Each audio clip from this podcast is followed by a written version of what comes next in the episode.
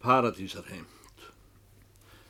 27. kapitúli Eina mínútu Dægin eftir stækkaði sjó og stúlkan spurði sig hvort hún kynni við þessa ókyrru eða hvort þér væri að byrja að kólna um gagnaugun. En hvort það heldur var, það eitt var víst að hún hefði náð sér til fulls eftir flanið með blá ókunnugumannum í gerðkvöld. Eða var henni tilfinning jafn óskilanlega morgni eins og sjálfsögð að kvöldi. Þá veit hún ekki fyrir til en hún sér þá berast í átt til sín úr fjarska utan eftir tilfærinu. Mörg stúlkan hefur spurt sig hvort það sé nema kurteis og falli hlédrægni að líta undan og látast ekki þekkja. Senast voru þeir komnir aðinni eins og þeir lögðu sig allhressir eftir svefnin. Þeir helsuðinni með þeim orðum sem mynduðu andlegt tengsl eina mínútu og slóður hringum hana. Hún veit ekki fyrr en hún stendur aftur við hlið gullgravarans bjarta. Hinnir tveir tóku þegar til að leika listir sínar fyrir stúlkuna, sækir vöndunar á tungumáli, svo sem steipa sér kolskít og fari í höfrungslaup og bláhöndin reyndi að kákla uh, þann sem var með uh, skarði vör. Hann aftur á móti brá sér í dýralíkjól hljóp á fjórum fótum með óhljóðum um tilfærið. En gullgravarinn þurfti ekki að gera neitt því hann var með gullmólan inn á sér. Þegar eljar hans voru farnir að standa á höfðin og ganga á höndunum fyrir stúlkunni þá stóð hann aðeins þegjandi hjá henni og tók utanum mittið á henni. Svo venja hefði komist á að hún færi til þjóðrækskalsins á mornana að loknum dögurði og tæk við síni sínum og hefði aðfyrir honum fram eftir degi, jafnfram því sem hún syndi móður sinni. Það hefði verið meirinn lítil hamingju sól sem uppgekk í æfi hennar. Nú sem hún var full veðja kvennmaður að kynast þessum dreng sem hún hefði ekki skilið þegar hann fættist. Eftir að hún kynntist við hann saknaði hún þess að hafa færð á misvið gambrið í honum frá fyrsta fari. Hún sá líka eftir amrinu sem hún hefði ekki fengið að hugga í honum sjálf. Á þessum atlantíska morgni með stormi nánd og þungum seinum öldugangi er hinn nýfundni vínur, sá sem gekk í klukku, allt í einu liðin henni úr minni. Hún man ekki til sín fyrir en þjóðrækur biskup er þar komin í stíðuvélunum og með hattinn. Ber hann sveinin á armi sér. Hann spyr hverjir gandar sé er það stóð á höfðinu en hún kann fá svör. Hverju eru þið drengir góður, spyr hann á ennsku, en þeir skildu ekki tunguna. Ég skildu ekki heldur, saði stúlkan og losaði sig af þeim manni sem vildi taka af henni fall í veldinum og fór á móti drengnum sínum. Þessi ljósi, eh, það er gullgravarinn bætti hún við til að gefa biskupnum nokkra úrlausn. Þennan svarta með kuldabólguna, hann kalla ég bláhöndina, en þann með skarði vör nefni ég í hugmínum hænsnasmalan, því hann getur látið hannan fara gala og hænurnar verspa ekkjum. En nú er tími tilkominn að fara að huga um sín sínum. Nú var ekki laust við að listamönnum brygði í brún er þeir horfa á rétt rúmlega fermda stúlkun að taka sér barn í fang og lamma sig á brott á samt forgamlum Amerikan með smjörpappir utanum hattinsinn. Þykir sem frú þessi hafi heldur en ekki dreigið bust úr nefið þeim. En þegar leið á dag hafðu þeir grafist fyrir hjá skips yfirvöldum um fólk þetta, stóð á skrám að sá með smjörpappir um hattin væri biskup en telpan ekja. ná þeir við það gleði sinni aftur fyrirgefa ekkunni og fara að leita hana uppi. Það regnaðist sveitnin ungi félaga sem ekki spörðu við hann spekálur.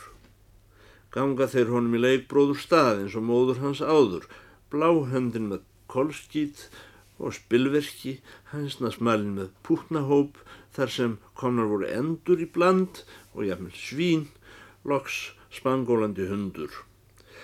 Fólk kom aðvífandi úr ímsum áttum að hlusta og var skemmtuninni forkunar vel tekið af áherendum. En sælust var stúlkan undan hlýðunum að sitja upp að ungum manni sem horki var tengdur í arðinesku orðinni mynd en þó hefði geta verið pápi þessa drengs og finna hvernig hann umvafði hana hlýju sem er ofarlist og leik. Máli sem stundum lánast að koma saman á heim með laungum útskýringum í ræðu eða ríti, fortölum og sendibrefum en oft mistekst því lengur sem það er kníjað. Það leysir málleysið á einni dagstund. Því halda vitrin menna málið sé eitt af glappaskotum mannkinsins og telja að hvag fugglanna með tilhlýðilú vangjablaki mæli fleira en okkur ljóð. Hversu vandlega sem það er orðað og jafnvel einn fiskur sé vitrari en tólfbindi af heimsbyggi. Sæl vittneskja sem tveir unglingar lásu, hortur annars augum, verður óskiljanleg við munlega útskýringu. Þögul hjáttning getur snúist í afneitun ef töfrarnir eru brotnir með orðum.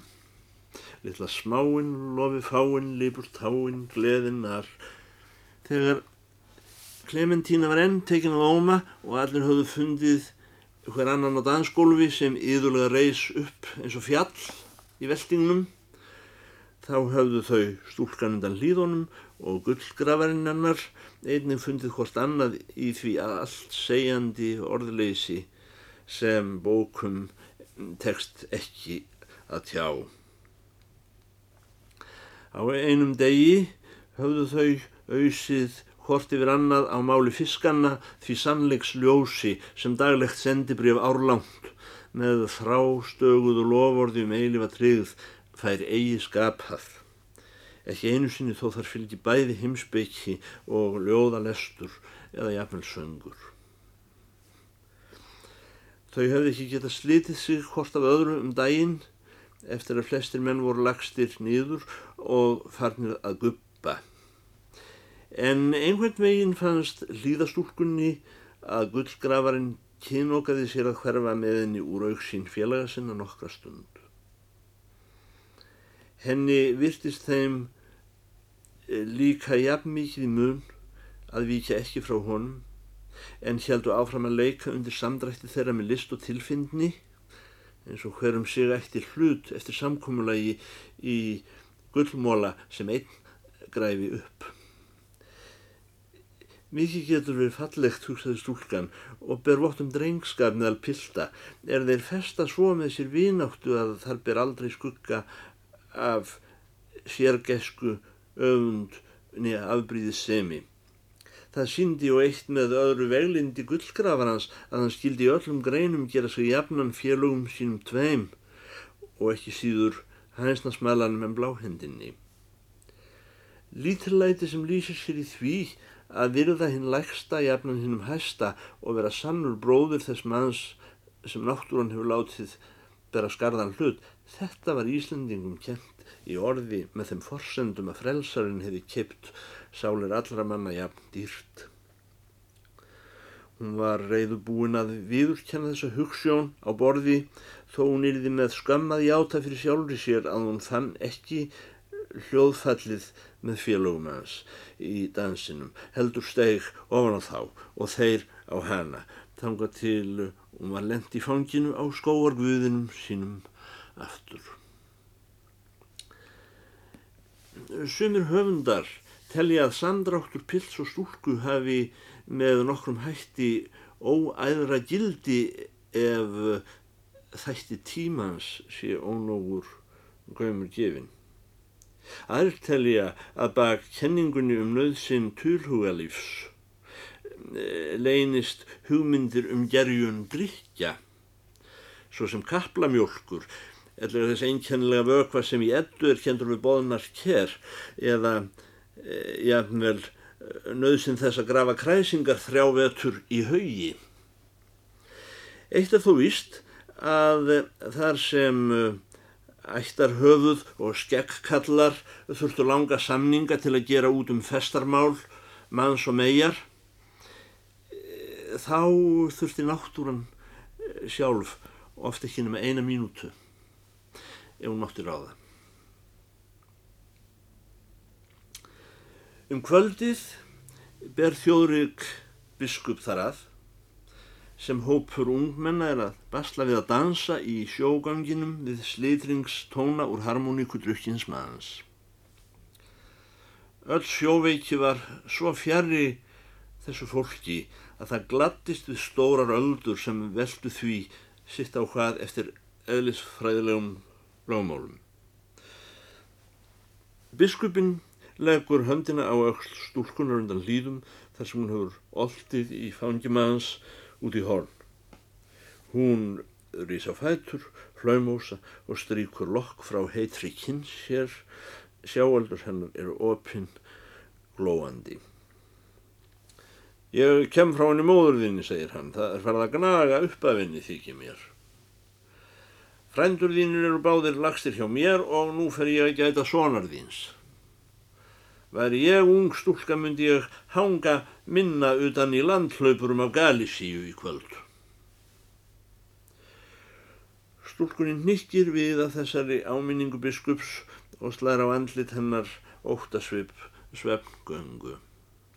Hún losa sig úr örmum gullgrafarans með þeim formála sem fastur var millir þeirra eina mínútu og hleypur það var orðið framorðið og ekki aðrir á ferli en þeir sem ómót stæðileg kyrla starfsemi þröngdi til að dansa í fárviðri um nótt á gólfi sem hallaðist 15 gráður.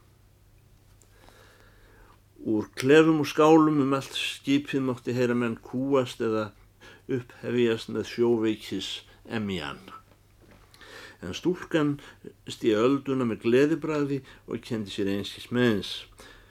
Hún reyndi að hlúa móður sinni og gaf henni að læknisráði bæði vatn og eitur.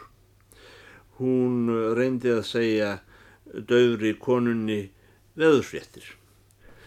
Hún sagði að ungu fólki sem ekki skildi hvert annað veri auðfúsa á að vera í stórum sjó og glatti þessa áhuga litlu konu með þeim tíðindum að hún hefði kynst nokkur um útlendum karlmönnum sem veru henni góðir.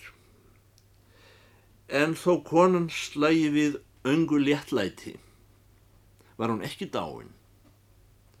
Hún meira segja lauk upp öðru auganu til háls og brosti með öðru munvíkinu til doktor sinnar í þessu fyrr skrifaða litla rauða ljósi eins og hún vildi segja að gleði æskunar væri fögur og hennar skildu menn njóta meðan kostur væri. Ég skilðið, dóttir mín, virtist konan segja með þessu hálfa brosi og ég áfellist þig ekki eins lengi og ég sé þig með öðru auganu eftir vilja Guðs. Síðan fjall hún í mók. Stúlkan fyrir að burðast við að týna sér spjarurnar í ölduganginum. Það gnast í skipinu þegar það stakst og í öldudal ellegar hófst upp á öldu sem var svo brött að skrúfan tók hniðri. Á stunum vélana og öskri var ekkert hlið. Eina mínútu. Orðin slá enn við eira henni þar sem hún stendur fáklætt og sljó í rygginu og heldur sér til að verjast falli. Dýrónum hafði verið lokið upp án þess heyrðist fyrir látónum. Var þá ekki gullgrafarinn hennar komin að bæta henni upp hver fátt hafði orðin hveðjur með þeim fyrir skemstu, bjóðinni góðar stundir, og taka utanum hana. Og nú verður hún minnug björns á leirum sem var vann að slökva á týrunni þegar hér var komið. Eins og ekkert veri sjálfgerðar að dregur hún niður í lampanum á þess að láta piltinn þó sleppa af sér hendinni. Hún sér móta fyrir gulum liðunum í hári hans í sömu andrá og sloknar.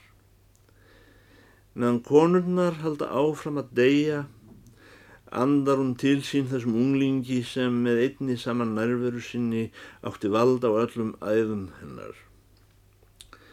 Uppvarrunn svo stundar nokkrir höfundar telja almerka, jafnveg svomerka að þá býði ekkert framar er svo líður.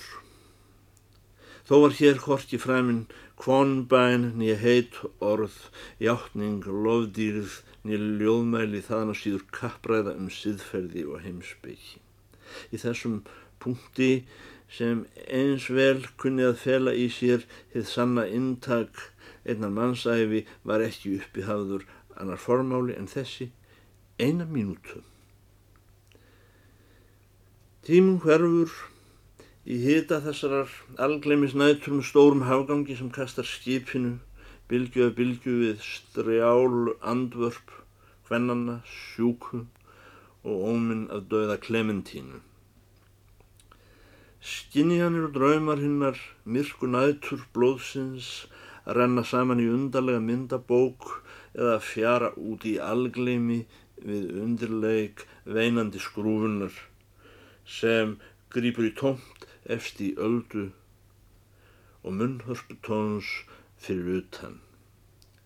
Hún er sopnuð og veit ekki lengur til sín fyrir nú vaknar við mannin aftur, hendur hans sem spentu hana eins og kér voru orðnar kaldar og svöluð henni.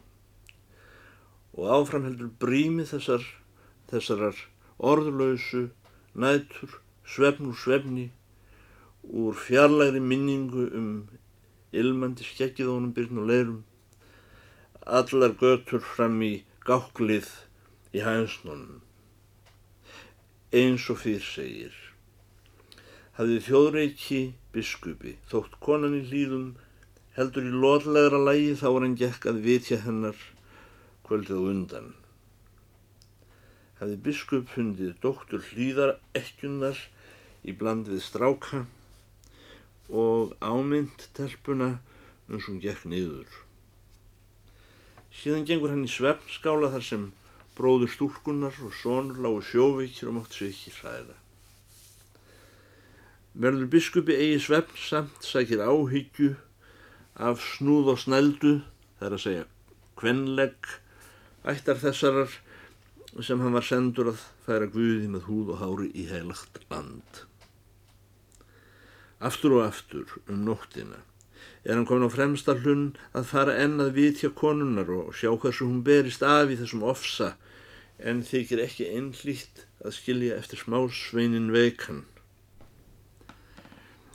en þar var gamal mormónaþulunar komin af Englandi og vaknaði einat fyrir allar aldir og fór að raula fyrir munni sér dáfæðran mormónasálum um snöðan sorgbítinn ferðamann.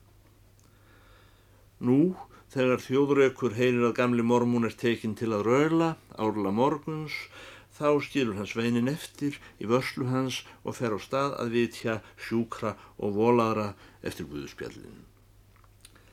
En var hauga sjór og korgað loft, en storm að læja og dagsbrún á himni.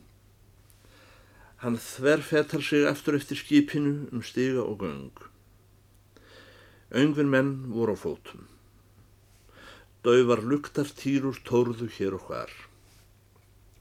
Hann líkur upp hörðinni að sjúkraskála og kemur þá upp úr dúrnum að þar hefur ljós dáiðinni og er myrkur fullkomið hjá sjúklingunum. Hann tekur upp hjá sér fýrspítur og kveikir. Verður honum litið til bekkjarins sem ætlaður á stúlkunni og þykja nokkuð undarlega við bregða að þar liggur fyrir framann hana maður nokkur óæskulegur og ekki fríður úr hófi. Sköllóttur með skarði vör, gapir mikinn og hrítur. Við hlið honum sefur þessi kornung yngismær værum svefni í blóma sínum.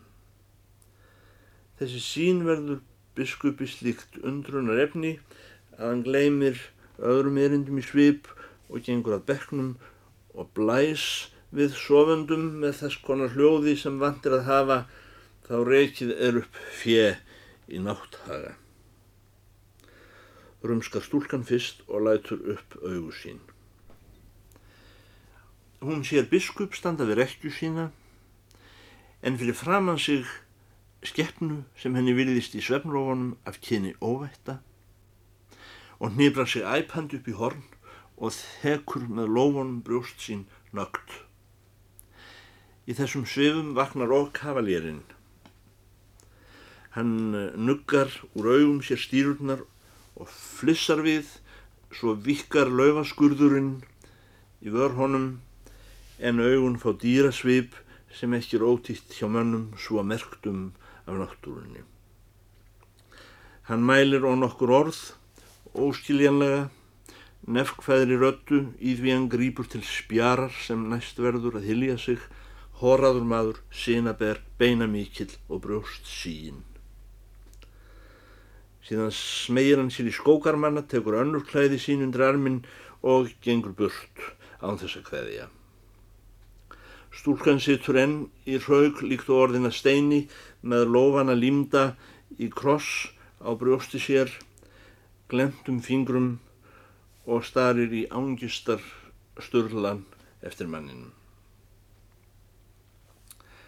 Dragðu yfir þig ábreyðuna svo það slá ekki að þér stúlka litla, segir biskupin. Ég ætla að huga þenni móðurðinni sem ég sé ekki betur en fari hálfveitlu um hana þar sem hún liggur Það skildi þó ekki hafa glemst að sinna henn í nótt.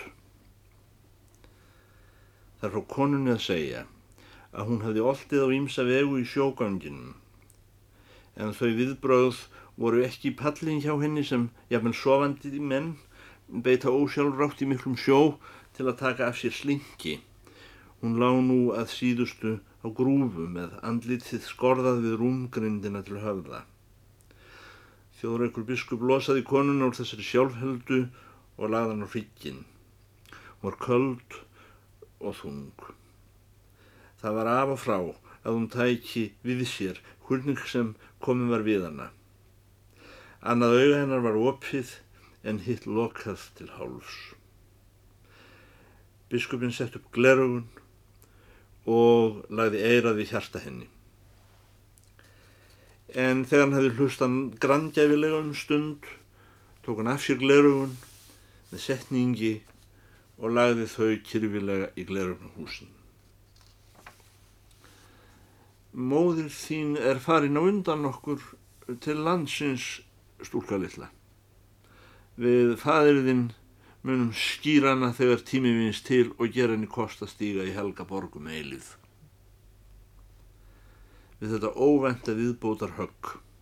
Hættir stúlkan öllum óþarfa andvörpum út af opimberu falli sjálfrar sín í hafganginum og verður máttlösi framann með öngan svip nema afhleðslu og tómleiks eins og gangverk vitundarlífsins hefði allt í einu sagt nóló. Því næst dró hún sig upp í kuðung og snýri sér til veggjar með nén upp að höku. Þessi þrýstni ungi kroppur allt í einu orðin sálarlaus og á náttúru eins og ofvöksnu barni og biskupin breyti ofan á hana af blíðunarsökum áður en gekk burt á vit skips yfirvalda. Þennan dag og hinn næsta reisti stúlkan ekki höfuðið frá kottan, neitti einskis og var ekki viðmælandi heldur grúði sig upp í horn. En aðra nótt hér frá undir lánætti kom bróður stúlkunar með þeim skilabóðum að nú ætti að fara að jarða móður þeirra. Hún sagði ekki neitt en dró ábreyðuna yfir höfð sér og kúriði sig enn dýpra niður. Stormurum var lagstur og hafið orðið tiltölulega kyrt. Stjörnurnar horðu niður. Á miðnætti réttu var hafskipi stöðað í þrján mínútur og niður sökt líkið þessar konu sem hefði lagt á stað til himnaríkis heimann frá sér að hitta þar þann sem hún vissi mætastan manna og nú hefði verið henni dáin um skeið. Viðstættir þessu jarðarför voru þeir skipherra og stýrimöður auk sex matrósa í sjálftarnarsflíkum sínum. Það var og svonur konunnar ögn vandræðalegur í ofstuttum buksum og fjallgöngskóm er þjóðraukur biskup hefði kept honum í Skotlandi. Læknirinn stóð álengdar og reykti pappirsvindling sem var að komast í móð. Þjóðraukur biskup var þar með dóttursson konunnar sér á armi í nætur kulinu. Það slóstu í félagið mormóna þulurinn gamli sem kunnið að syngja einn ágætastan sálum sem ortur hefur verið með einmanna ferðamann. Sáluminn fekk hann þó ekki að fara með nema í hljóði á þessum stað því það er að lögum verk skipstjóra að lesa yfir moldum og sjó ef ekki er geistlegur maður nær af þeim flokkum sem mormónar kalla gentílismenn. Þjóðrekur biskup hafiði samt í gegn að mega segja nokkur bænarorð yfir moldum konunar á máli sem enginn skildin um að Guð þó ekki lengur en 30 til 40 sekundur því hér tjóaði ekki dról. Líkið var ekki látið í kistu en var við þykku boldangi á uh, börum sínum í hvítum náttserk frá The Company. Loks var hinnum rauða hvíta fána Danakonungs vafið utanum í villingarskinni því skrám skipsins yfir þjóðurni heimsins voru Íslendingar ekki taldir finskir þó ótrúlegt sé heldur danskir. Innan í þessum sportlega dúks hefur hún emmaðinn lagsi, saði þjóðrækur biskup. Skip herran Lágur meðan hnellin, gráherður og rauður í framann, fletti upp í bók hjá sér, gekk frem í luktarljósiðu höfðalæð og börunum mælti á enska tungu þeim orðum sem fyrirskrifað er þegar söktir í sjó. Síðan báknaði eh, hann mormónunum, þar að segja, gaf hann merki. Eh, Fjóðreikur biskup stíði þá fram og fekk öldunum drengin, krosslaði hendunar og brjósti sér yfir vel innvöfðum hatti sínum og mælti.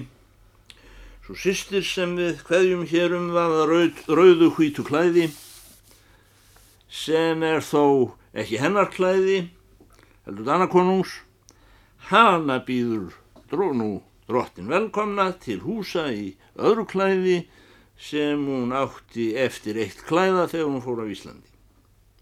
En það klæði hefur merki ofar Íslandingum og Danakonungum Það hefur merki bíkúbunar, sígóliljunar og máfsins. Það er merki þess lands þess spámaðurinn gaf oss með gullbók og mun rýsa á himni þann dag sem jörðin er auð. Því næst tók þjóðraugur aftur við sveinnum. Madrósar vefja nú fána dana konungs utan að börunum og bregða um þær reipum. Þeir lifta síðan börunum yfir borðstokkin og láta síga varlega niður með skipsliðinni.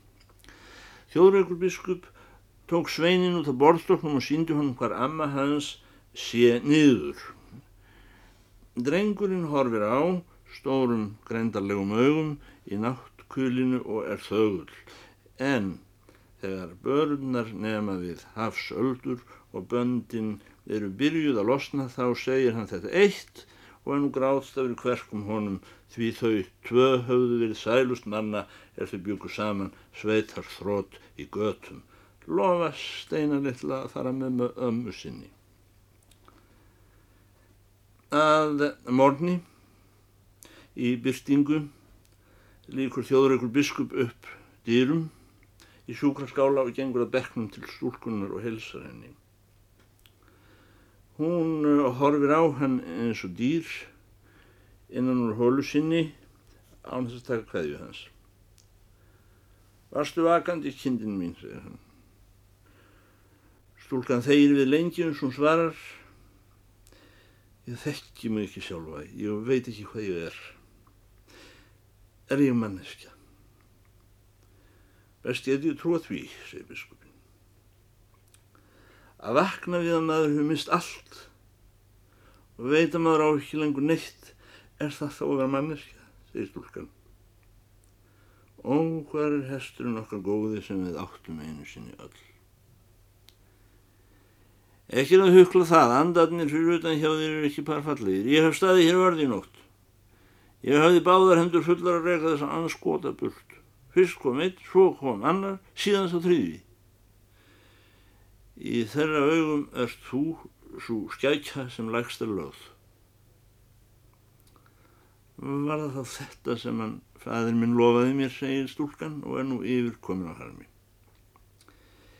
Ég byrði í nafni, ég veit ekki hvers, forðaði mér frá því, láttu mig aldrei saman blindast að því, lokaði mig inni, læstu. Mér dettur annað í hugkindin mín, segir hann, og um, það er rauninni samráðu tók í ánni haust þegar Satan var á bakkanum hinnum meginn komin að sækja barnið. Ég innsiglaði það til mín fyrir Guði.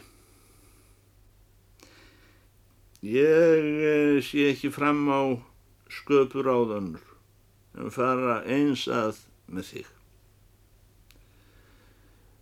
Eh, þú ræður hvað þú gerir við mig þjóðra kursaði stúlkan bara ef þú gæmir mig og, og lætur mig ekki vera lausa. Ég verð líklega að innsikla mér þig, kindin mín, og ger úr því himnaska egnarkonu mína. Annars fellur skuggin af niðurlegginguðinni réttilega á mig, ekki aðeins í augum drottins, heldur líka í augum föðurðins, sem á annars skiljaði að mér en ég færi honum ræfil úr svelli í stað barnkindarinnar hans sem hann lagði út í heiminn til að frelsa. Þjóðrökun minns, sagði stúlkan og reys nú upp í tárum og rétti út hendurnar í áttina til hans.